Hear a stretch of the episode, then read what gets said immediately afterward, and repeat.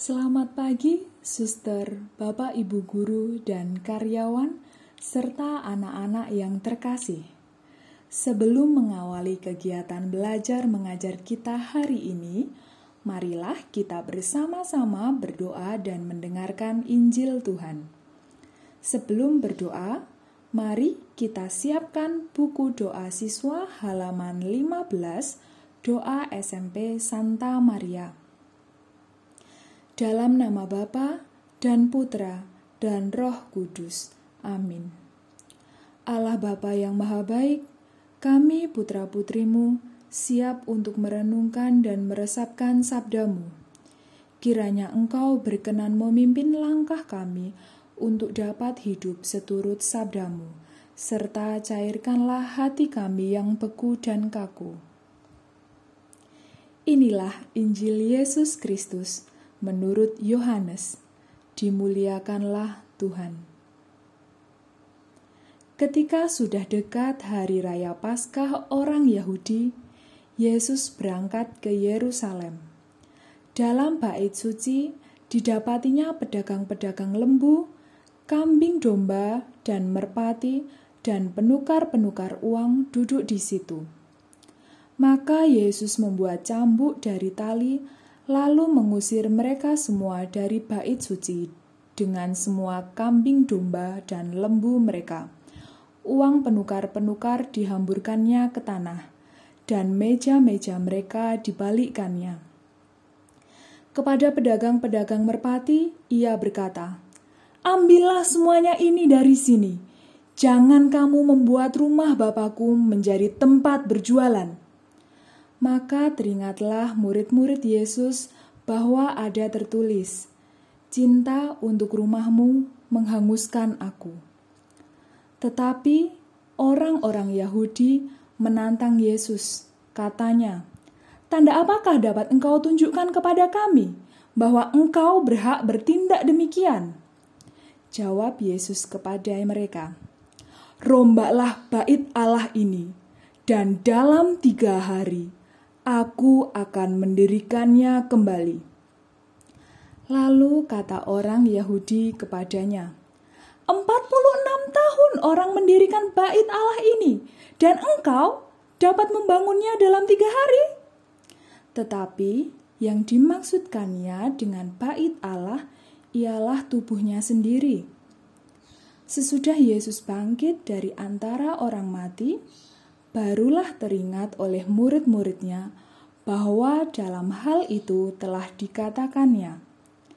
Maka percayalah mereka akan kitab suci dan akan perkataan yang telah diucapkan Yesus. Demikianlah Injil Tuhan, terpujilah Kristus. Hari ini, Gereja Katolik merayakan Pesta Pemberkatan Gereja Basilik Lateran. Apa yang spesial dari Gereja Basilik Lateran? Nah, Bu Erma ingin membagikan informasi yang Bu Erma dapat tentang Gereja Basilik Lateran.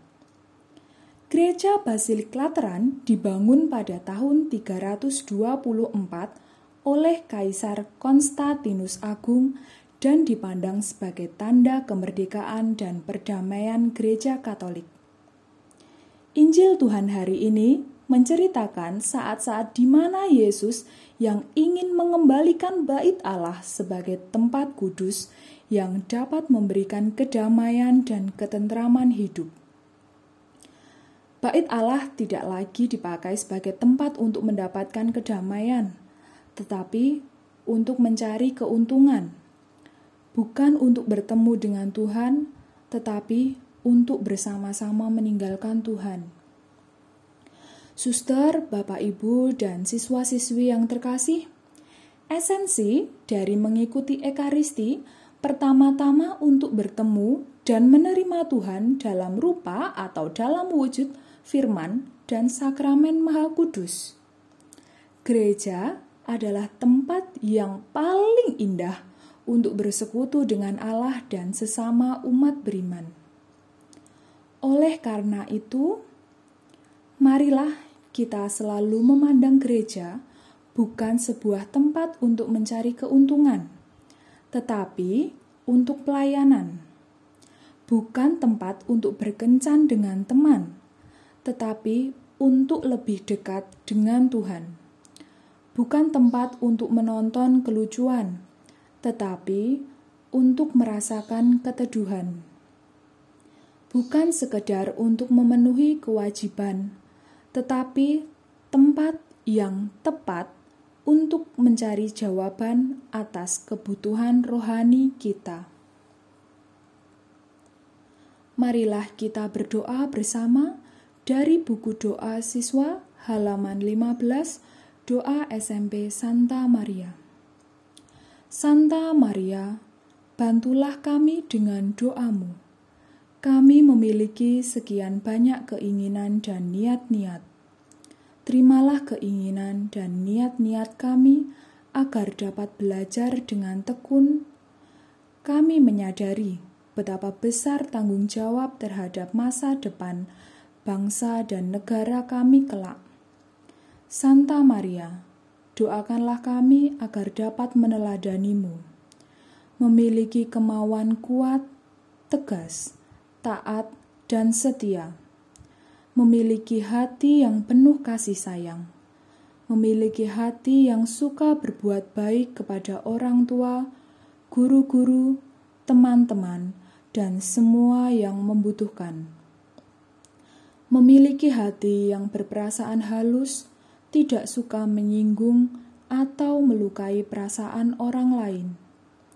Memiliki hati yang terbuka, dapat ikut bergembira dengan orang lain dapat merasakan kesusahan orang lain, memiliki hati yang takut akan Tuhan, dan suka menjalankan perintah-perintahnya.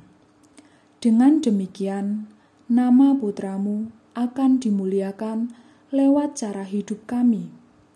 Terima kasih ya Santa Maria. Amin. Dalam nama Bapa dan Putra dan Roh Kudus. Amin.